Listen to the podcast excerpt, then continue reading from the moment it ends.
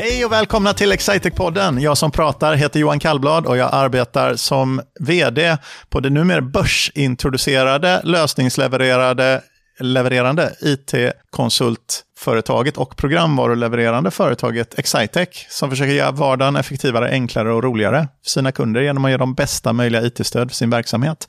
Och eh, jag har ju ett fantastiskt eh, gäng med mig här eh, idag i den här Excitech-podden där vi ju normalt sett pratar med någon kollega och sen någon gång ibland med någon samarbetspartner eh, eller någon kund. Och eh, jag tror inte ni vana lyssnare kommer bli överraskade när jag säger att en av de som är med mig idag är ingen mindre än Frida Widersjö. Wow, Frida Widersjö. eh, och så har vi ett återbesök, men vi ska göra en klassisk Excitec-podd. Och återbesöket är en person som har varit med inom ramen för sin specialisering på Excitec-podden. Eh, vem är du, Pernilla? Precis, det stämmer. Pernilla Kish heter jag och jag har varit med, jag minns faktiskt inte vilket avsnitt det var, men eh, då pratade vi som sagt om min roll och eh, det här med leadsgenerering och så. Eh, men det är jättekul att få vara med igen. Tycker ni att jag satte jag intron okej? Okay? Det tycker jag. Du ja. gjorde bra entré här. Jag kom, jag kom inrusande 15 minuter för sent. Jo, kan vi se vad nära att det här blev en Excitec-podd utan uh, min medverkan. Det var på håret. för Frida höll precis på att dra igång och trött, tyckte att hon tröttnade på. Annars så säger jag Thomas som sköter ljudet, nu kan vi inte se, vi filmar ju inte så mycket. Thomas och Frida, ni har ju synkat er uh, kläder ganska bra idag tycker jag. Ja. Ni kör lite sommarblommor, eller är det höstblommor? Jag tycker det känns höstigt. Det här är ju ja. inte blommor, utan det är, det är djurmönster. Ja. Men det var ju close enough. Men det är ett blommigt mönster av djur. Är det inte blommigt? Det är lite mer Det är mönster kan man säga. Ja. Kan vi få någon att lägga ut ett kort på det här i, eh, i poddvideon? Ja, det kan vi göra. Det tycker jag. Ser hur snyggt synkade det är. Jag och Pernilla däremot är inte alls synkade. Nej, det finns vi ingen har synkning. en eh, regnig höstdag idag i Linköping. Och eh, det tycker jag är lite symboliskt. För vi har ju gjort... Eh, vi har haft liksom en inledning på hösten och det har varit en fantastisk fortsättning på sommaren och vi har dragit igång och allt sånt där. Eh, men nu känns det som att det, är, och det har varit pandemier och det har varit inställda sommar-OS och eh, det har varit en massa saker som, har, som och det är presidentval i USA och sådär. Men vår verksamhet har väl ändå börjat kännas ganska mycket som, som en vanlig höst. Mm. Och hösten, det är då vi vi måste leverera helt mm. enkelt och, och, hitta nya kunder och sådär. Mm. Eh, och, och, där någonstans så har vi i det specialavsnittet som Pernilla var med i, så, så pratade vi ju om att skaffa nya kunder och sånt. Mm. Visst var det det? Mm, det pratade vi om, bland annat. Så, så vad, vad gör du på Excitec, lite kort? Ja, men jag jobbar med leadsgenerering. Jag jobbar någonstans mittemellan sälj och marknad. Eh, och eh, försöker hitta nya uppdrag till oss, kan man säga kort och gott. Mm. Men det vill vi veta i detta avsnittet är ju egentligen inte vad du gör på Excitec, utan vi vill ju veta vem du är. Mm. Vad spännande. Mm. Ja. Framför, för oss framför allt. Ja. Jag sa det precis innan du kom in Johan, att jag och Pernilla jobbar väldigt nära tillsammans. Så det här är en sån där podd, jag vet ju det mesta om dig redan, så det är du som inte vet så mycket denna gången. Så det är jag som får driva på här. precis. Jag beskrev ju det en gång, kommer du ihåg att vi pratade om det Frida? Att när jag hade min, jag, en av mina favoritpoddar som jag hade haft högst förväntningar på innan, det var ju med vår kollega Emma Bilenius som mm. jag jobbar otroligt nära. Eh, och vi till och med, vi sitter ju i rummet bredvid, när vi inte sitter i varandras rum så sitter vi i rummen bredvid varandra och vi har jobbat otroligt nära under väldigt många år. Eh, och eh, det blev ju ganska svårt för mig att ställa frågor som, som jaha, så du har två barn? Och så är det som jag känner, jag, jag, i princip, jag köper ju födelsedagspresenter till hennes barn liksom, ja, i, i, princip. Så att jag, vi, vi har jobbat tillsammans väldigt nära. Men mm. Pernilla, du har ju två barn. Ja. Jag har två barn, det stämmer. De är åtta och eh, fyra, två tjejer. När var det du flyttade till Linköping? Det var för ett och ett halvt år sedan. Jag flyttade faktiskt precis från eh, Brasilien då ju. Eh, vi har bott utomlands i två år, så det var liksom touchdown Linköping, februari 2019. Mm. Och sen har vi varit här nu då ett och ett halvt år. Men kommer du från Linköping från början? Nej, jag kommer från Göteborg, så västkusten. Det är där jag hör hemma. Nej, hur, hur hamnade du i Linköping överhuvudtaget? Var det nu första gången? Mm, det var första gången. Jag har varit och hälsat på lite kan man väl säga. Men, eh, men absolut, eh, det är min man som har eh, dragit hit hela familjen eftersom han jobbar på Saab. Och han har faktiskt veckopendlat tidigare, Göteborg och Saab är då flygplansfabriken. Precis, flygplanstillverkaren. Som, som säljer sina fredsbevarande, mm. högteknologiska flygande farkoster, bland annat till Brasilien då. Exakt, och han är faktiskt i Brasilien just nu. Så att, eh, jag har varit eh, gräsänka en vecka nu med mm. två barn. Har en vecka till kvar, eh, eftersom de har precis skeppat över det första planet. Eh, så att eh, han är med där och tar emot det skeppade de över det första planet? Man flög inte dit det? Ja, lustigt nog. jag liksom åkte en sån här container i, ett par månader och sen så det fick de flyga när de kom dit. Ja, om jag skulle sälja flygplan så hade jag definitivt flygit dem som en del av leverans. Det är inte så här första så här, trusten byggs inte riktigt där liksom. Nej. Nej, det är inte så. De kanske inte går, går så länge. De, de, de, de drar ju ganska mycket bränsle de där. Mm. Uh, så jag antar att det kanske inte är, man kan inte flyga så långsträck. Det är o, ett oeffektivt sätt att flyga långa sträckor. Mm. Uh, tänker, fast Brasilien är ju stort. Otroligt stort. Mm. Vad, hade du någon bild av det här att du hamnade i Linköping? Liksom? Hur, hur, när du gick ur, eh, om vi backar tillbaka till Göteborg här då, eh, funderade, tänkte du mycket på Linköping när du bodde i Göteborg? Nej. ja, men precis. Jag var faktiskt på väg mot Linköping redan 2016, eh, för då veckopendlade min man. Eh, han hade börjat på Saab och så han veckopendlade. Eh, och det är klart att vi funderade några gånger på om vi skulle flytta hit då. Men då hade vi också bott två år i Spanien och liksom nyligen kommit tillbaka till Sverige. Och då kände jag väldigt starkt så här att, ja men ska jag, ska jag bo i Sverige igen, då vill jag ju bo nära liksom min familj och vänner och så. Jag kände inte en kotte i Linköping, så jag var inte så mm. sugen på att flytta hit då. Um, men sen, ja, tiden går och man får fler, fler barn. och uh, vi liksom hade varit utomlands och då kändes det som att ja, men nu är det inget alternativ att mm. liksom dela på oss längre. men, Var du kvar i Göteborg eh, efter att du pluggade och sånt där också? Eh, ja, ja men, jag, men jag har ju hoppat lite fram och tillbaka. Så det har liksom varit eh, i perioder Göteborg och sen så utomlands och så tillbaka till Göteborg och så. Var det, var det Karns eh, jobb också som förde dig till Spanien? Ja, och till USA dessförinnan. Så att, eh, första gången jag levde housewife life då, så att säga, då var jag ju 23, inga barn. Eh, det var jättekonstigt tyckte jag. Eh, och liksom bara bo och leva någonstans, men inte liksom ha ett syfte på dagarna. Liksom. Var var du då någonstans? Då var vi i Orlando. Oh, så du spelar mycket golf så istället? Ja, då var det mest tennis faktiskt i Orlando. Mm. Ja. Just det, mycket sådana här tennisakademier och sånt som... Ja, och diverse nöjesparker. Ja. Mm. Mm. Hur, länge, hur länge levde du housewife life då? Ja, men det har ju blivit några år i alla fall. Mm. En fyra, fem år har det blivit, utspritt på, på tre perioder. Då. Det, mm. det, är ju väldigt glorifierat. Mm. Att vara, alltså hela det här konceptet med, liksom, ja, eh, ja. men det, det, får man ändå säga. Hur många Real Housewives of ah, Beverly Hills, ja. New Orleans, eh, Orange County, New York. Jag är ju ingen stor eh, tv-konsument, men, eh, man men kan vara vi prata tv? Ja, det är tv. Eh, men däremot kommer jag ihåg en tv-serie som heter Desperate Housewives. Mm, det är också en... Men jag, jag min, kan inte minnas den som så särdeles glorifierande. Det var nog både och. Den var lite den, makaber. Den, den, den är ju dramatisk. Jag tyckte de tog koll på varandra i, Exakt. i Men, ja, eh, så du, du känner att det, det var liksom inte så fantastiskt som man ofta bygger upp det som? Mm, nej, alltså, ja, det är väl jättehärligt liksom, mm. i perioder, men jag skulle inte vilja leva så eh, alltid. Liksom. Eh, det finns ju de som, som väljer att liksom, lägga sin egen karriär åt sidan mm. och ta hand om familj och, och hus och sådär. Liksom. Eh, men Verkligen. det var liksom inte något för mig. så. Nej. Jag skulle kunna tänka mig att ta något år i Orlando kanske, som housewife ja, alltså. Eller, alltså som, eller som ja. homemaker, kanske det. Ja. Vad är det könsrollsneutrala versionen av house? Wife. Housewife känns ju väldigt ja, omodernt. Men jag tror det är homemaker.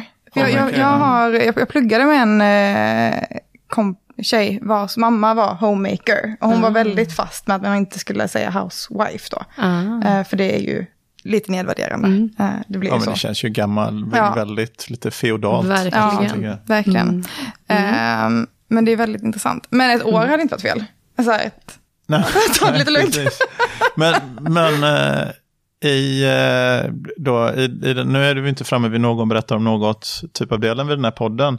Så att det är fortfarande vi som får ställa frågor. Men vad är det bästa eh, med att vara homemaker? Då? Vad var det som, om vi ändå vill hänga kvar vid den positiva aspekten av det här? Ja, nej men alltså, det är ju överhuvudtaget när man bor utomlands så är det ju fantastiskt att lära känna en ny kultur. Det, det måste jag ändå säga. Och sen så får man ju väldigt mycket tid med, med familj. Och det är inte så mycket måsten heller. Det tror jag mm. de flesta kände som, som var iväg i, Brasilien två år. Att man, man har liksom inte så mycket obligations vad det gäller liksom släkt, alltså släktmiddagar. Mm. Liksom man, man har inte heller något hus som man behöver liksom eh, underhålla, utan eh, det mesta är bara happy life. Liksom. Mm. Eh, så att eh, det, man har mycket tid för både sina egna intressen och för familjen. Det är härligt. Vad tror du för möjligheterna om vi, om vi kunde ta och intervjua din man här på Excitec-podden och se hur han, hur han ser på...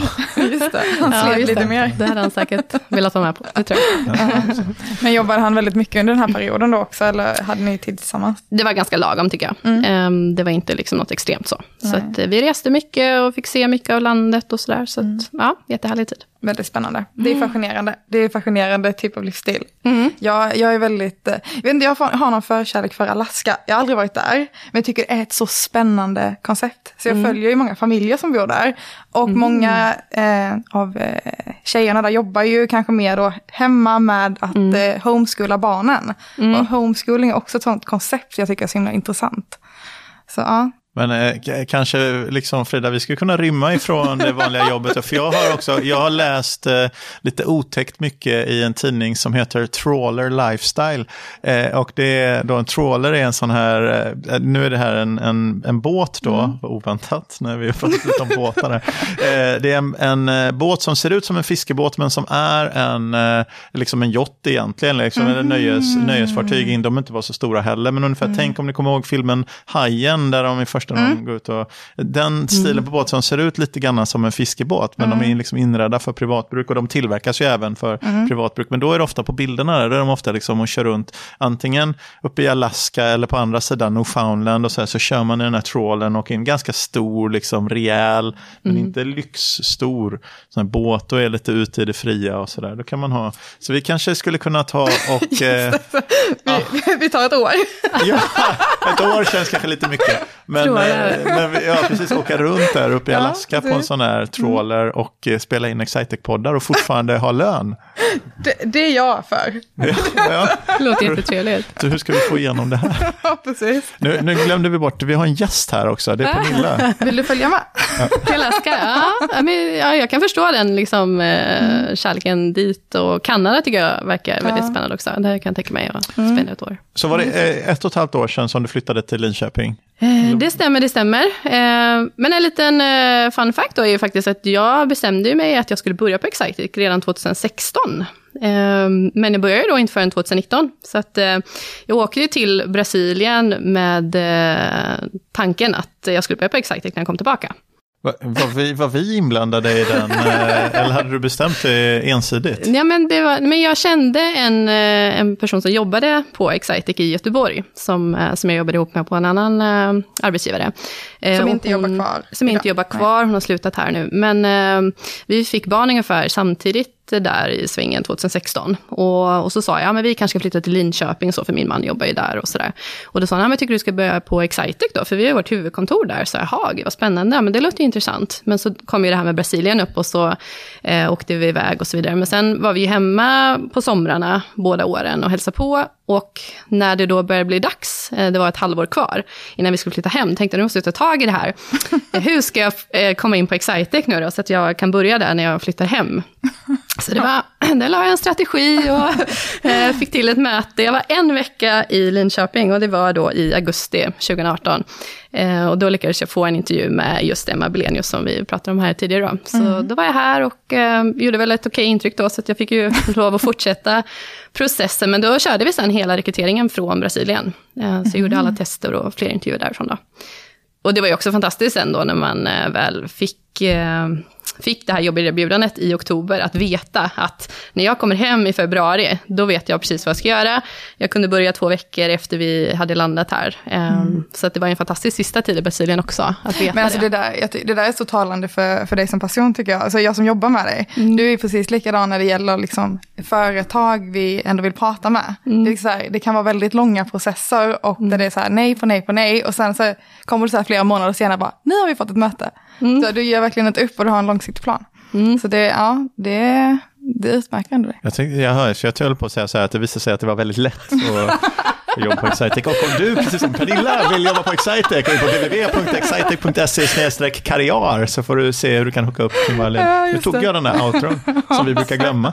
Eh, vad gör du när du, när du, för du, är ju då, du jobbar långsiktigt med att få saker att bli som du vill. Mm. Till exempel och jaga in eh, kontakter med kunder som vi, eh, som vi önskar eh, att vi, eller som vi tycker, vi har liksom av goda skäl på något sätt så tycker Mm. vi att vi borde prata med de här, för vi borde ha någonting att säga dem och så vidare. Och sen är det ju, inte- det där förstår jag också, det där långsiktiga, det är inte så Mm. att kunderna sitter och tänker, liksom, jag önskar att någon ringer mig nu Mm. och frestar med ett affärssystem eller något, utan det, är en, Mm. det måste ju passa in i, i tajmingen då. Men vad, när du inte håller på och gör, är så här långsiktig och så kring din karriär eller kring vad du gör för Excitec, vad pysslar du med på eh, den andra tiden, den när du inte är på jobbet? Mm, på fritiden, ja, precis. Ehm, nej, men det är mycket, mycket socialt umgänge, skulle jag säga. Vi är nog ganska sociala, hela min familj. Så, så vi hänger mycket med andra familjer, vänner. Nu har man ju liksom börjat bygga upp ett nätverk här i Linköping av personer och sen så har man ju mycket vänner kvar på västkusten då, så att eh, mycket tid går åt till det.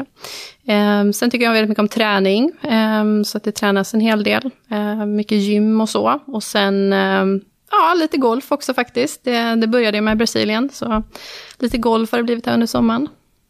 Hur trivs barnen?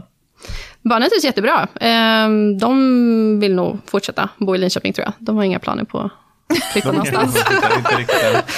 De är lite unga för det, vad sa du, åtta och sex? Åtta och fyra. Åtta och Ja. fyra. Men de var med, de har varit med hela tiden då? Både i, nej inte i Spanien utan i USA och?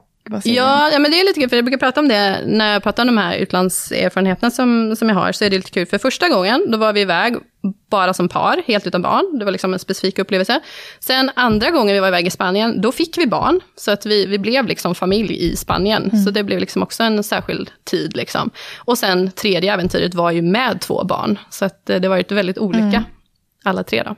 Det var häftigt. Men eh, då, hur, gamla var, hur gammal var din äldsta när ni var i Brasilien? Hon skulle precis fylla fem. Just det. Har, kommer man ihåg någonting när man är fem? Ja, ja. Hon, hon kommer ihåg. eh, Ja, absolut. Men hon När man kommer är ihåg. åtta kan man komma ihåg. Jag, jag, jag har ingen uppfattning. Jag tänkte på det när du sa det Fredrik, att du, var, att du gick igång på det här med homeschooling och sånt. tänkte jag, men det är för att Frida inte har barn. Alltså, Nej, men det, jag, går, jag vill inte vara med om det här. Jag vill inte homeschoola på något sätt. Jag När tycker man det är har passerat intressant. 40 då kommer man inte ens ihåg vad man åt till lunch igår. Just det. Nej, men det, det är intressant att någon vill göra det. Det är nog mer det, för tydlighetens skull. Du är fascinerad jag, vill, jag är fascinerad, jag är inte för. ja, just Ja, det. Men, eh, så att de har inga planer på att flytta från Linköping nu, det var ju skönt att nej, höra. jag tror vi är ganska rotade här. Det känns skönt. Ja, skönt. Ehm, men vad gör, eh, du, vad gör dina barn på fritiden? Har de mycket aktiviteter och sådär? Nej, lite grann. Eh, Jag har nog försökt mota det ganska mycket. Jag tycker att det finns en liten så aktivitetshysteri bland föräldrar idag. Eh, att barn har väldigt mycket aktiviteter vid väldigt tidig ålder. Eh, jag kan tycka att det blir lite för mycket och jag tycker inte heller om att barnens aktiviteter helt ska styra liksom, familjens agenda. Så jag har försökt mota det lite grann, men de har någon aktivitet var. Liksom. Det är på en rimlig nivå. Mm. Gud vad härligt. Ja, jag är helt eh, stum här nu. Så jag, som, som var på... Eh, ja. Jag ska till, eh, jag måste gå tidigt idag för jag, det är simträning först. Som, eh, Så, och en eh, helt ny sen imorgon värld. är det, fot- vi hade hoppats att fotbollssäsongen skulle vara slut, men det är den inte. Utan det är fotboll imorgon och sen är det fotboll igen och så var det fotboll i lördags och så var det, eh, och så är det dans på söndagar och så där. Så jag vet inte, jag kan inte, jag har inget, att, jag har inget positivt att bidra med. Ja, just det.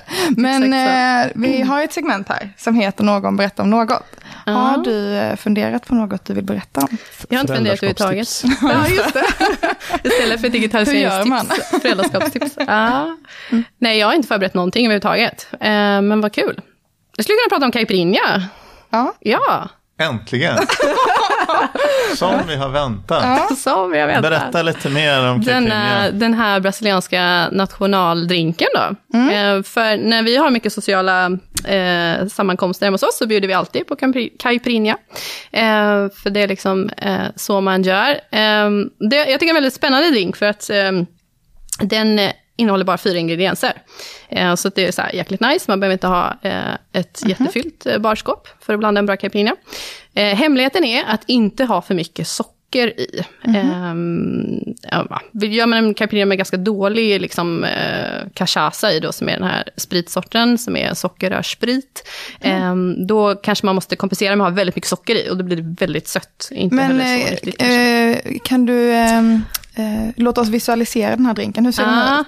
Men man brukar servera den i, en, i um, ett lågt glas, alltså ingen sån här highball-glas, utan ganska lite lägre. För att det är ju bara då is, socker, eh, sockerrörssprit och lime. Så det är liksom mm. ingen blanddricka, så att, eh, ja, den blir, kan ju bli ganska stark. Och Nej. Grejer ingen mynta och sånt, men den får ju en sån här härlig gulgrön färg liksom från, mm. från sockret och, och limen då. Um, så, eh, men det är väl kanske ett drinktips då. Mm. Eh, en riktigt schysst drink om man gillar lite så surare drinkar. Mm. Och så vill man inte ha så mycket av sockret sa du heller. Så inte det är ju nästan, och så is är ju nästan ingen ingrediens heller. Så det är nästan bara två, så det är bara lime och sprit. Mm. Ja, och, och, det som är grejen med caipirinha då är ju också att lime är ju sjukt billigt i Brasilien och mm. väldigt gott. Alltså de blir stora, gröna. Eh, så att eh, det är så roligt när man kommer till Sverige då, sen så tänker man att man ska göra lite caipirinha och då är det så här, två lime för typ 15 spänn eller någonting. Och du får i princip ett kilo lime för 15 kronor i Brasilien. Men är det så här extremt mycket lime man har i då eller? Nej, men det, till en caipirinha räcker det med kanske en och en halv lime per person mm. då. Eh, mm. Så det är inte så att det är jättemånga. Mm. Men, mm. eh, det låter som en svår drink att hitta ett alkoholfritt alternativ till. Ja, men alltså Ja, ja, men alltså jag brukar ju blanda, eh, man kan ju då, man börjar muddla socker och lime så mm. att det mm. liksom lite så göttigt och sen så lägger man på is. Sen kan du ju köra liksom lite sodavatten eller Just någonting det. om du vill ha en, eh, mina barn brukar efterfråga en barnkajprinja till exempel. Mm. Eh, för det är ju lite sött och lite surt liksom, så mm. det gillar de ju. Men mm. visst, låter man, man låter limen vara kvar i alla fall, inte bara saften ur limen? Ja, utan, hela limeskalet ja. ligger liksom kvar och flyter mm. runt där lite så, så det kan vara schysst att servera med ett sugrör liksom. Mm. Jag tror det är ganska gott även ja, men det låter väldigt gott. Ja. Alltså, det blir inte riktigt men just hela den här lime och sockergrejen är väldigt god. Mm. Uh, så att jag, ja. Exakt. Det låter som en läskande alkoholfri drink också. Mm. Mm. Absolut. Det här cachaçan då, mm. heter det så? Sockerrörs. Vad, vad smakar den?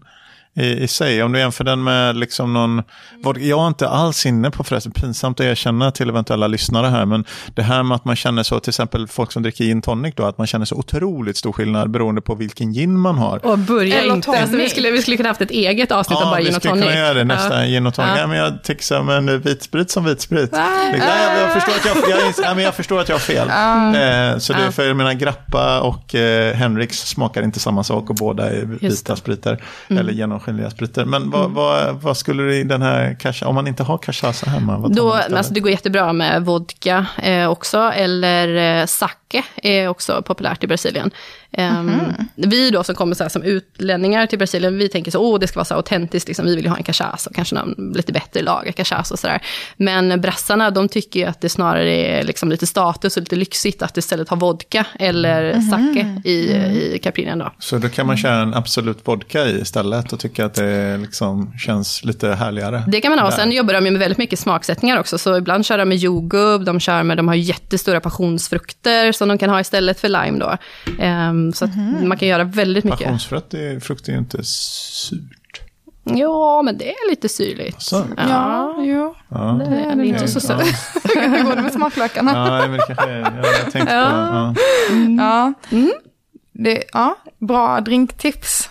Så här, efter sommarsäsongen. Efter sommarsäsongen, exakt. Höstens drink. Vi pratar så mycket om Brasilien, du kommer tänka på det här. Ja, mm. ja precis. Men annars, du är ju mycket för gott kaffe också vet jag.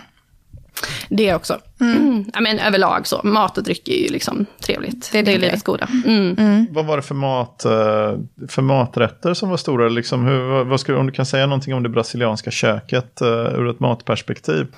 Mm, de, det, är ju mycket kött. Eh, eller, som vi mm. bodde inlands, då är det ju väldigt mycket kött. Och liksom grill, mm, så stark grillkultur, precis som i USA. Mm. Eh, sen om man rör sig ut mot kusten så är det ju mycket då fisk och, och skaldjur och så. Mm. Eh, men ganska mycket kryddor, eh, liksom fokus på frukt och grönt. Eh, ja. Vad är det för någon, eh, något man äter till? För, så här, är det potatis eller ris? Eller, det köttet tänker du? Ja. Eh, nej, men det brukar vara typ vitlöksbröd. Det kan vara mm. lite sån mm. ost som man grillar som påminner lite om halloumi. Eh, bröd, man kanske har en sån här tomat och lök vinägrettaktig grej. Så. Mm. Mm. Men det är ingen så här, jag tycker potatis känns ju väldigt, ja men det har man i Sverige och mm. i USA känns också mycket potatis till mm. Och sen liksom Asienhållet, det är mycket ris uppenbarligen. Mm. Men det finns inget som liksom utmärker Brasilien. Nej men det som är skillnaden också om man går på Brassarna de grillar ju varje söndag. Det är liksom deras stora grilldag. Eh, då är man ledig, då grillar man, samlas med familjen. Men då grillar man ju, alltså man grillar en hel dag. Man håller på mm. fyra, sex timmar liksom. Eh, så första gången man gick på en sån här barbecue, då gjorde man ju misstaget att man kom dit och så var man ju hungrig. Och så här, det började vid lunch. Eh, så då åt man ju liksom, precis som man har gjort i Sverige, en, liksom en vanlig tallrik mat. Och sen var man ju mätt liksom. Bara det att då hade de kanske bara grillat upp typ 10% av vad de hade tänkt grilla den dagen. Så att det kom liksom hela tiden, så fylls det på på den här grillen den, så att de, de håller den varm i kanske sex timmar och så tar man lite kött och sen kommer det lite korv och sen kommer det lite någonting annat. Liksom. eh, så att, eh, och så går de liksom runt och serverar på fat. Så de tänker liksom att grillar de en fin köttbit och nu är den klar, då äter man bara kött i små munsbitar. Mm. Så man äter liksom inte en hel 250 grammare per person, mm. utan det är så här. Men jag har varit, så är det lite på sådana Brazilian steakhouses som jag har varit på mm. några gånger. Mm. Då, brukar, då går de ju runt med grejer och så får man, men det är väl anpassat till. Mm. Ja, men sådana finns det också. Churrasqueri bryggerier, liksom, att man, man går till ett sånt ställe och så sitter man och så kommer de ut med ja. nygrillat kött och så. Mm. Det är ju inte vi vegetarianer då, mm, Hur ska vi hantera det här? alltså, typiska så här, köttkulturer är ju lite mäckiga att, ja. äh, att ta sig an. Jag vet, mm. när jag var i USA nu förra sommaren, då var det liksom så här, ja, jag levde typ på chips. Vi var ju i Idaho och äh, ja, potatisen var kokt tillsammans med skinka. Så liksom potatisen var inte ens vegetarisk. Nej. Så det var liksom så här, jag kunde inte äta nästan någonting. Mm. Det var verkligen kött i allt. Mm. Så att, eh, ja. Jag tror det har varit tufft faktiskt att leva två år som vegetarian i Brasilien. Det, tror jag. Mm. mm. det är en utmaning.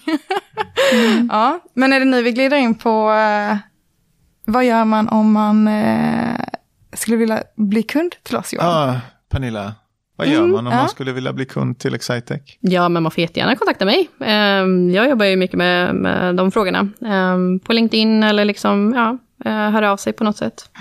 www.excitec.se beskriver mm. mycket om vad vi gör. Mm. Det finns lite nya kundcases upplagda också tyckte jag mig se mm. i, i ögonvrån. Alltså berättelser från våra kunder om vad de har gjort och varför de har haft en härlig upplevelse i relation till eh, till oss. Möjligen inte helt opartiska eftersom vi publicerar dem på vår webb. Eh, men, eh, men det händer ju faktiskt eh, inte allt för sällan att vi får glada tillrop från, eh, från våra kunder. Som, så, och vill du bli en sån som eh, också ger oss glada tillrop. Oj, det blev lite fel. Så är ju www.excitec.se ett bra ställe att börja på. Och är det så att du, precis som Pernilla, då, har en långsiktig plan att jobba på Excitec, vad är det man gör då? Då går man in på www.excitec.se karriär så hittar man allt man behöver veta där. Mm. Tack så mycket för att du ville komma hit, Pernilla. Tack för att du kom med. Tack så mycket.